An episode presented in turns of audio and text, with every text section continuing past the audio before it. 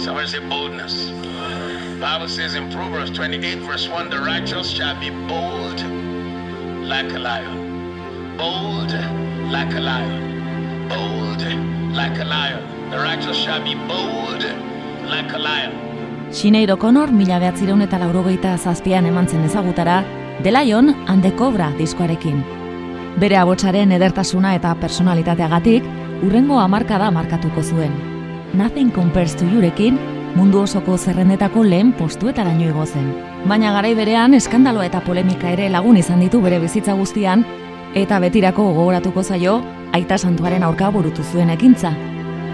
Irantzu karrera naiz eta jarraian, goi mailako musikagile eta interprete honen historia ezagutuko dugu. In Dublin's fair city, where the girls are so pretty, I first laid my eyes on sweet Molly Malone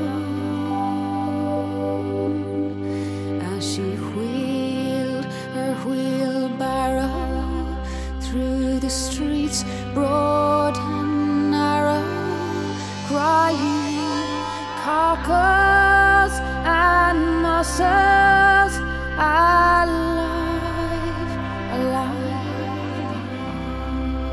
Sinead Marie Bernardet O'Connor, Dublinen, Molly Malonen herri berean jaio zen, mila behatzireun eta irurogeita seiko abenduaren sortzian Irlandako familia arrunt batean. Zortzi urte zituela gurasoak banandu egin ziren eta hortzaro konplikatua izan zuen. Amak jo egiten zuen eta tratu txarren gaia errepikatu egiten da bere abestietan. Ama bost urterekin, nerabe konfliktiboen ikastetxe batean bukatu zuen. Eta monja hauetako batek erakutsi zizkion gitarra jotzen hasteko lehen akordeak. Bere aurreneko musika proiektuak oso gutxi iraungo zuten, baina talde hauetako batekin abesten ari zela deskubritu zuten. Tom Tom Makut izena zuen taldeak eta Dublinen zuzenean ari ziren batean, produktore britainiar bat bere ahotsaz maite mindu zen. Eta handi gutxira, Sinead O'Connor Londresen azaldu zen The Lion and the Cobra diskoko maketarekin.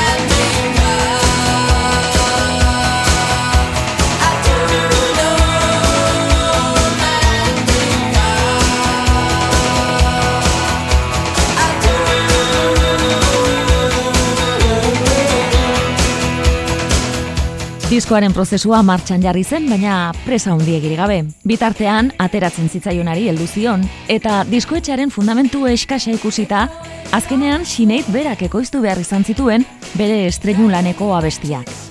Diskoa geldituta egon zen hilabete luze haietan, aurdun gelditu zen, eta John Reynolds bateriarekin ezkondu zen. Angel a hasan a do chlítí go léir. Ampra si thuúlin a lewe, se le muelfi do hás in é clúthe. Satlaid túr an leon is ar an nehéir. Dúir tú do hásas an leon ág is a dregan.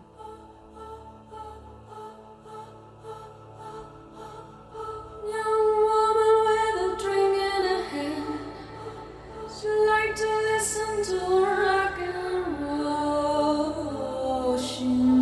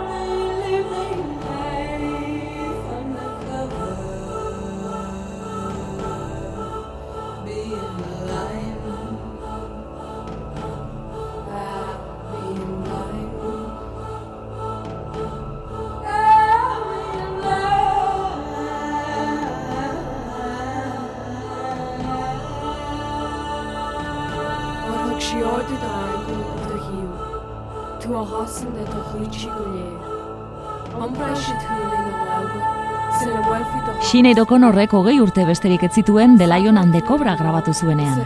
Berak idatzi eta ekoiztu zituen kantuak eta abestien letrak erreferentzi biblikoz eta Irlandaren berpizkunde artistikoan ezinbesteko izan zen Yeats poetaren bertsoz bete zituen.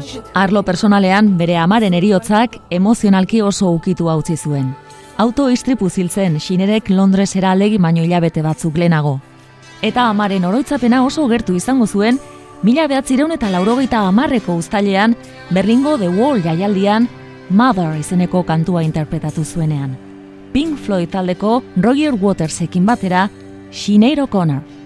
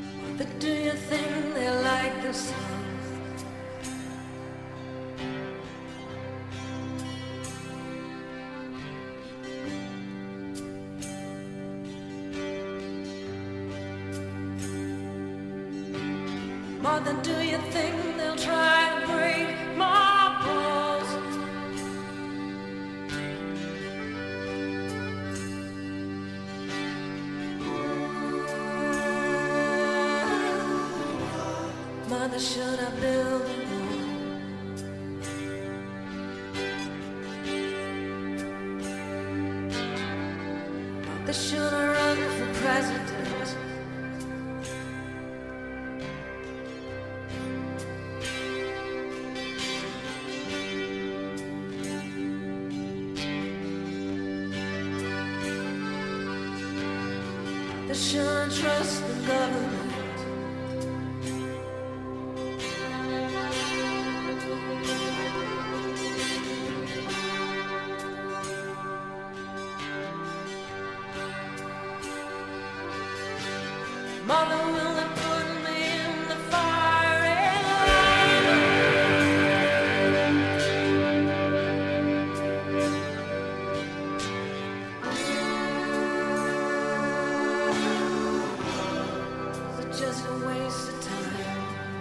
Berlingo arresiaren erorketa ospatzeko kontzertu erraldoia antolatu zen mila behatzireun eta laurogeita amarreko udan. Roger Waters edo Sinead O'Connorrekin batera, Brian Adams, Johnny Mitchell naiz Scorpionsen tamainako musikariek parte hartu zuten, eta urte berean, IESaren aurka, Red Hot and Blue diskoan parte hartu zuen Cole Porterren You Do Something to Meren coverra interpretatu zuen. Sinead O'Connor arrakastaren gailurrean zegoen ordurako. Balada honekin, markak hautsi zituen, eta Nothing Compares to You, laurogeita amarreko amarkadako hit nagusien artean gelditu da. It's been seven hours and fifteen days since you took your love away.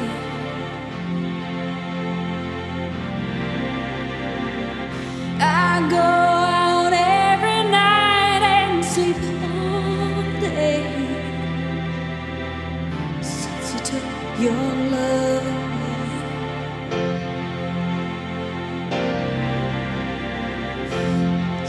Since you've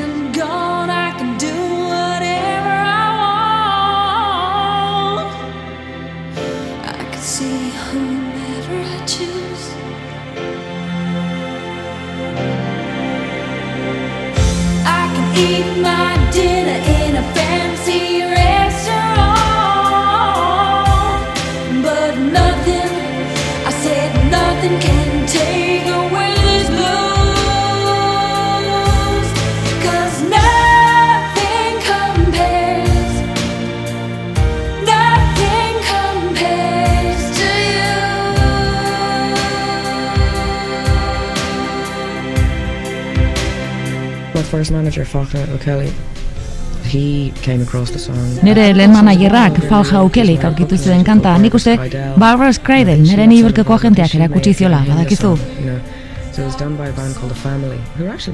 The Family, izeneko talde batek jotzen zuen eta nahiko bersio ona egiten zuten.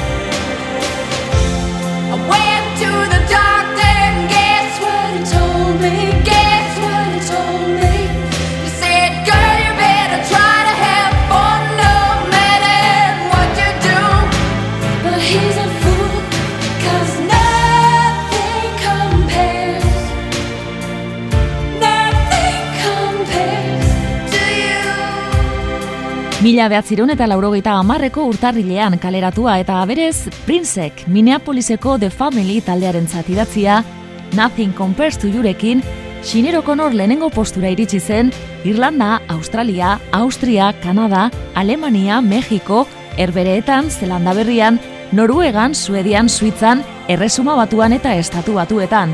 Eta abestiaren bideoklipak ere bere biziko oi hartzunak lortu zuen. Xinero Conor negarrez azaltzen da une batean eta abeslariak dio malkoriek guztiz improvisatuak izan zirela. Ordurako guztiok ezagutzen dugun eskin itxura zuen. Diskoetxekoak hilea luze hauztea nahi omen zuten, baina argi dago kontrakoa lortu zutela. in the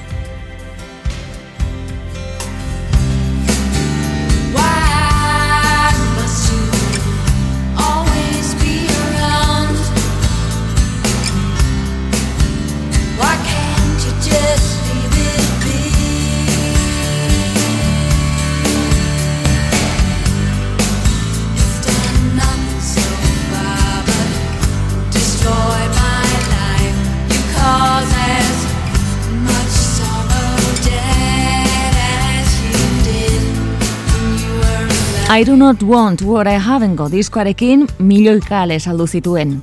Platinozko hainbat disko lortzeaz gain, lau Grammy izendapen izan zituen, urteko grabaziorik onenerako eta emakumezko bakarlaririk onenerako hautagai izan zen, eta disko alternatiboen saileko sari nagusia irabazi zuen, sari hau banatzen zen lehen edizioan mila behatzireun eta laurogeita amaikean banatu baitzen lehen aldiz.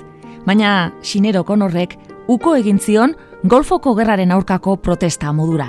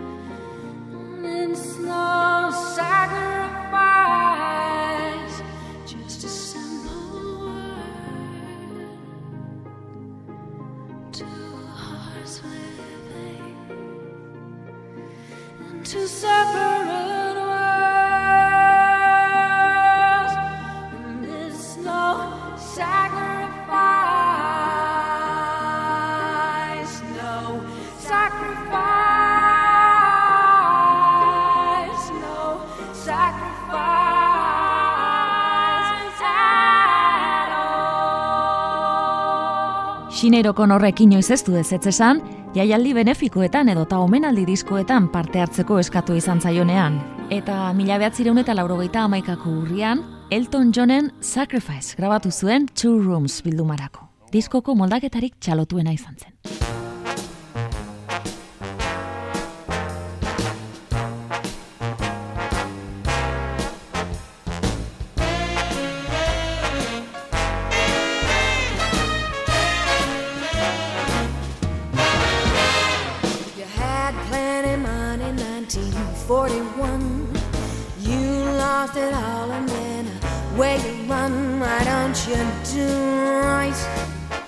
Like some other men do?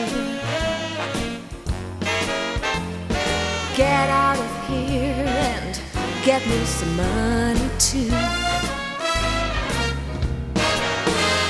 You're sitting down wondering what it's all about. You ain't got no money, they will put you out. Why don't you do right like some other men do?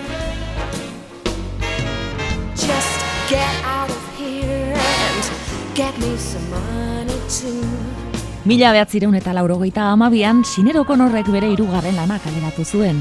Am I Not Your diskoan, aurrez Ella Fitzgerald, Billie Holiday edota Doris Dayek interpretaturiko doinu ezagunak bildu zituen, eta haiekin batera Evita musikaleko abestirik ezagunena. Bere esanetan kantu hauek entzunez hasi zen, eta hauek izan ziren abeslari izateko grina piztu ziotenak. Baina musika aukera etzen publikoaren hain gustokoa izan, eta salmentak asko jaitsi ziren.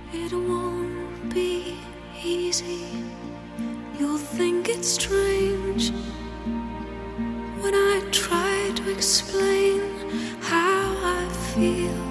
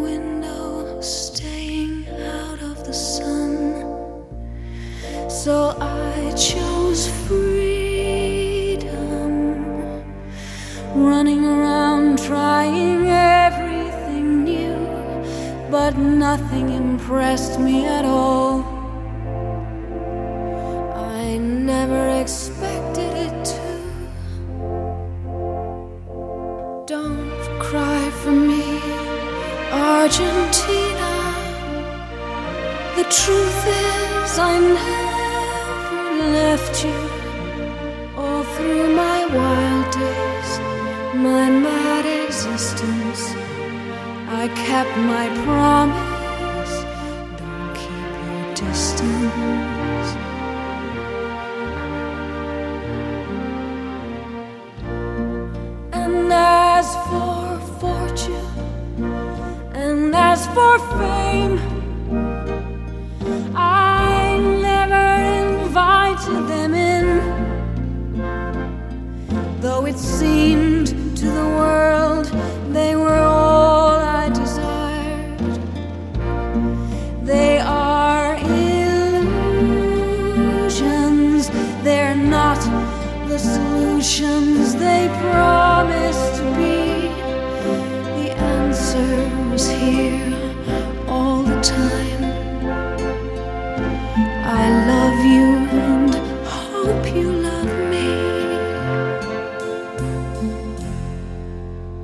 Aurreko bumaren ondoren, Not Your Girl diskoarekin, Sineiro Konorren gainbehera hasi zen.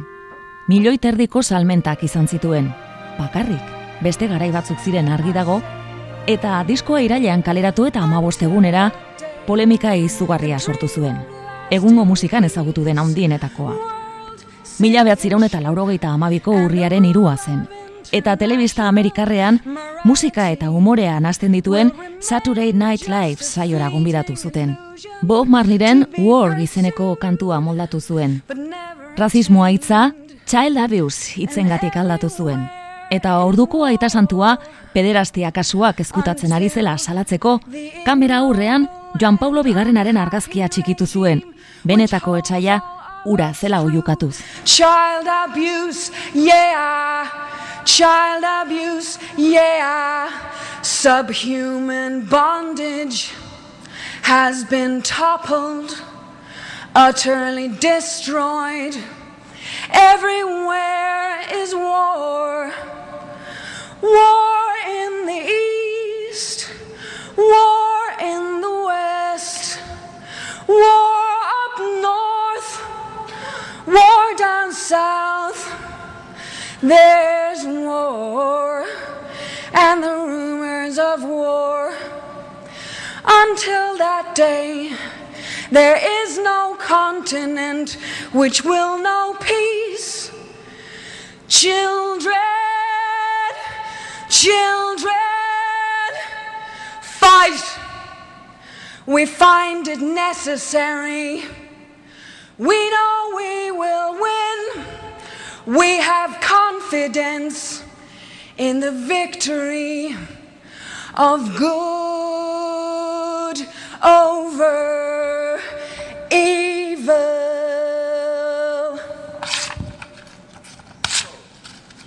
Fight the real enemy. Telebistako telefonoa kolapsatu egin ziren eta gertaera honen ondorengo polemika bizitza guztian gogoratuko zaio. Bere aurkakoek kontzertuetan txistu egiten zioten alde egiteko exigituz. Irrati batzuk boikota egin zioten eta bere diskoei zu ematen hasi ziren batzuk. Baina Sineiro Konor ez da egindakoaz damutzen eta gaur egun gizarteak barkamena eskatu beharko liokila diotenaren ustea zabaltzen ari da.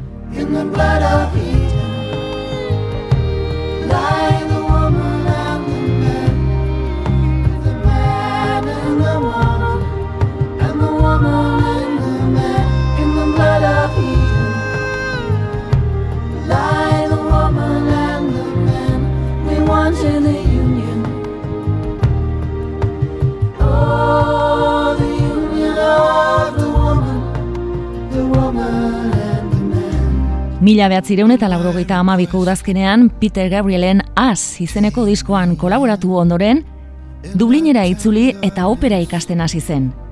Familia bat sortu nahi zuen, zoriontsu hasiko ziren seme alabe zinguratuta.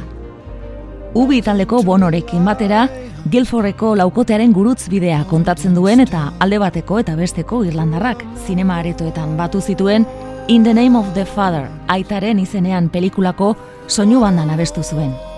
Handik bi urtera bere laugarren diskoa Universal Mother argitaratu zuen.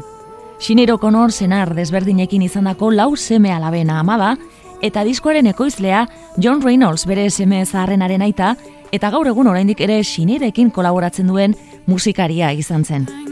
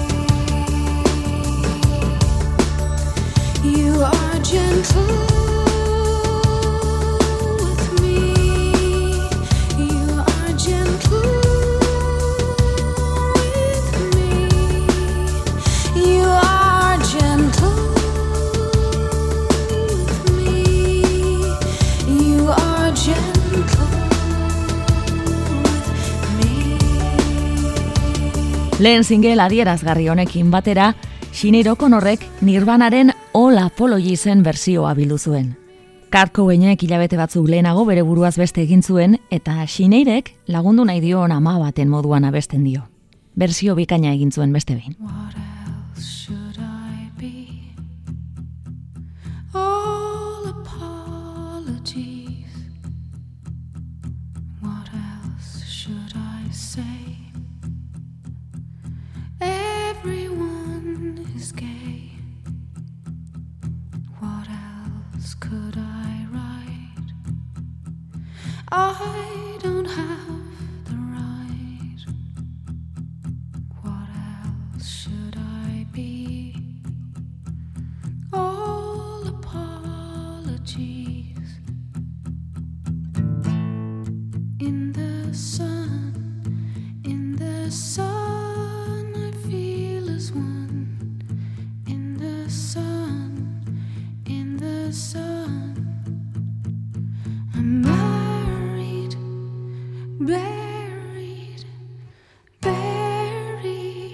Universal Mother diskoko kantu jadanak John Reynoldsekin batera idatzi zituen. Baita jarraian entzungo dugun In This Heart izeneko balada zoragarria.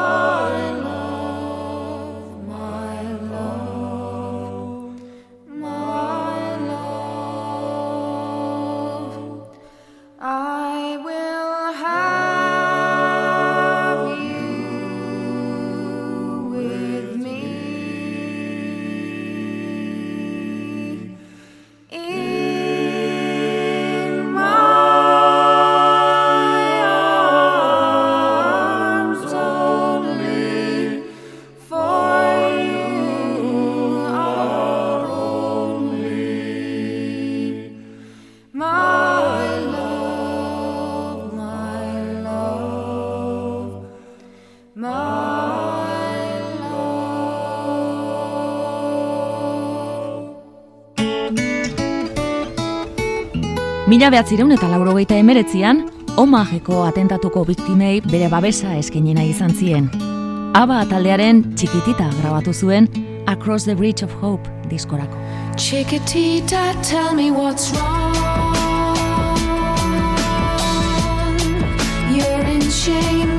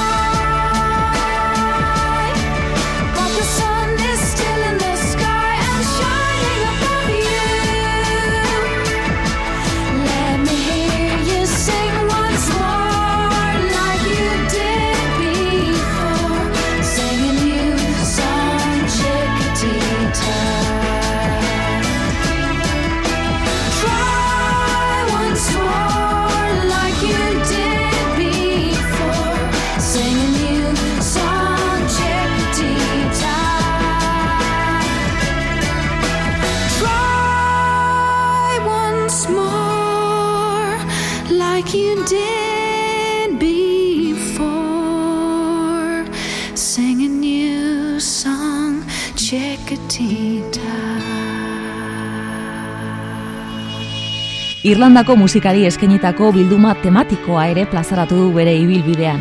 2002an, Sean Nos Nua, kantu tradizional berriak izenpean moldatu zituen beti-betiko kantuen artean, I Tell Me Ma entzungo dugu eta jarraian, Sinero Gonorrek Rivers of Babylonekin egin zuen berzioa. Erretiratuta egon den garailean, pare bat disko kaleratu baititu, Rastafarien musika eta kulturaren gainean.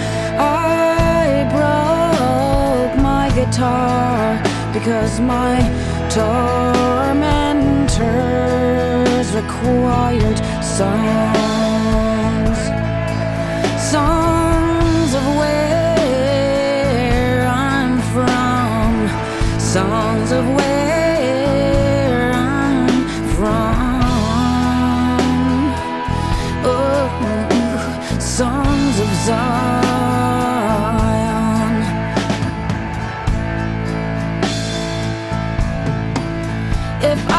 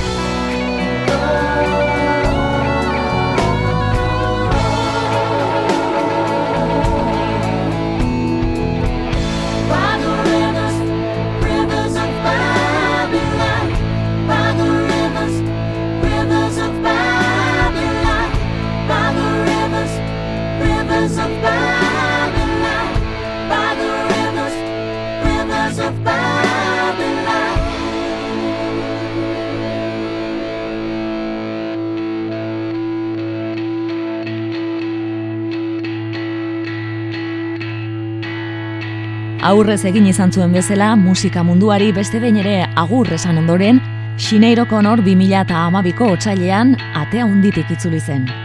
How about I Be Me and You Be You diskoarekin.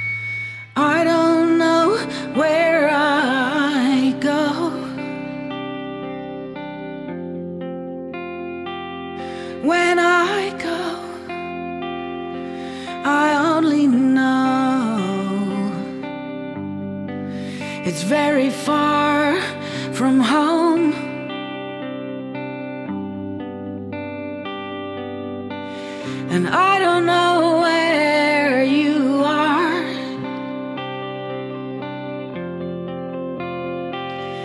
Either, but I know you're very far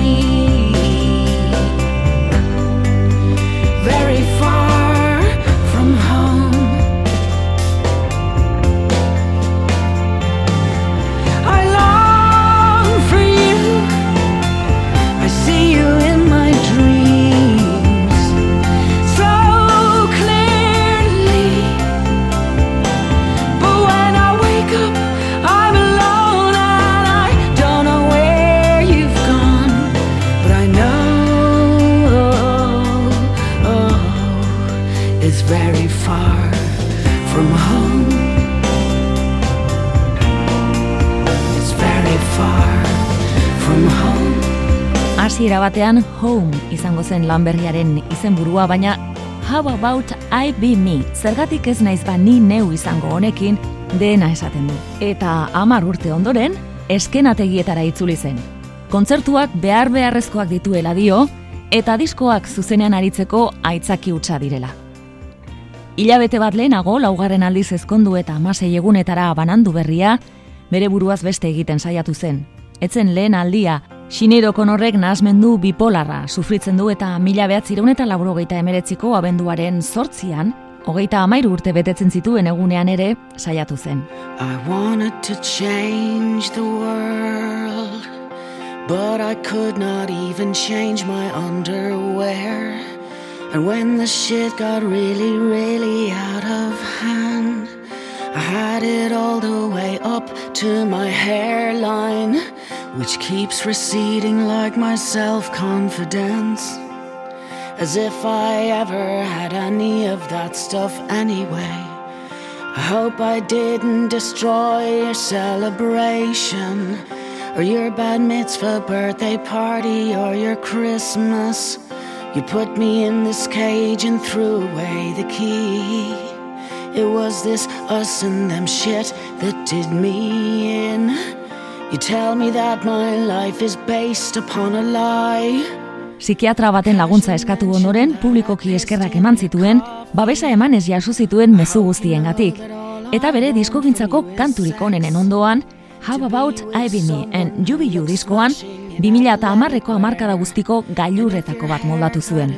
Bere harima bikia den John Grant estatu batuararen Queen of Denmark. Eta aspaldiko partez, Sineiro Konorren musika izan da atentzioa eman duena. Musika bakarrik. I don't know what to want from this world. I really don't know what to want from this world. I don't know what it is you wanna want from me. You really have no right to want anything from me at all. Why don't you take it out on don't you bore the shit out of somebody else? Why don't you tell somebody else that they're selfish? A weakling, coward, a pathetic fraud.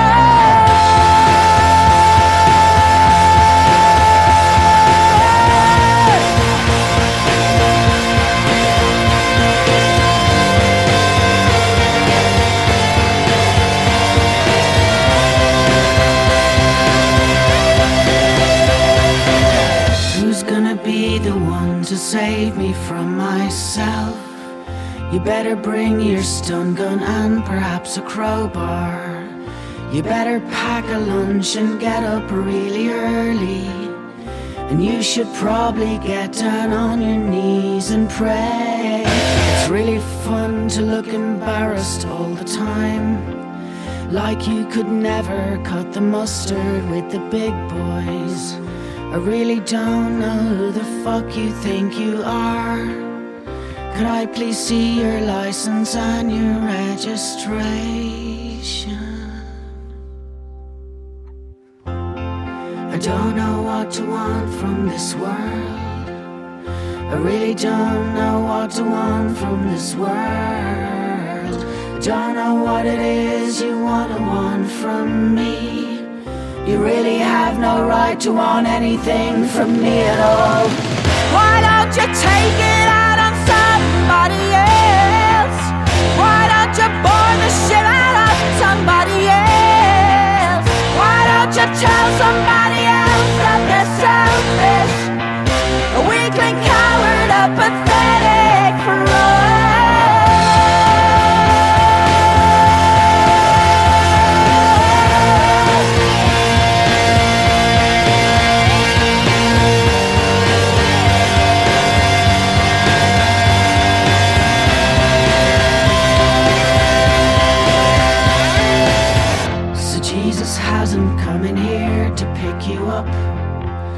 You'll still be sitting right there ten years from now. You're just a sucker, but we'll see who gets the last laugh. Who knows, maybe you'll get to be the next Queen of Denmark.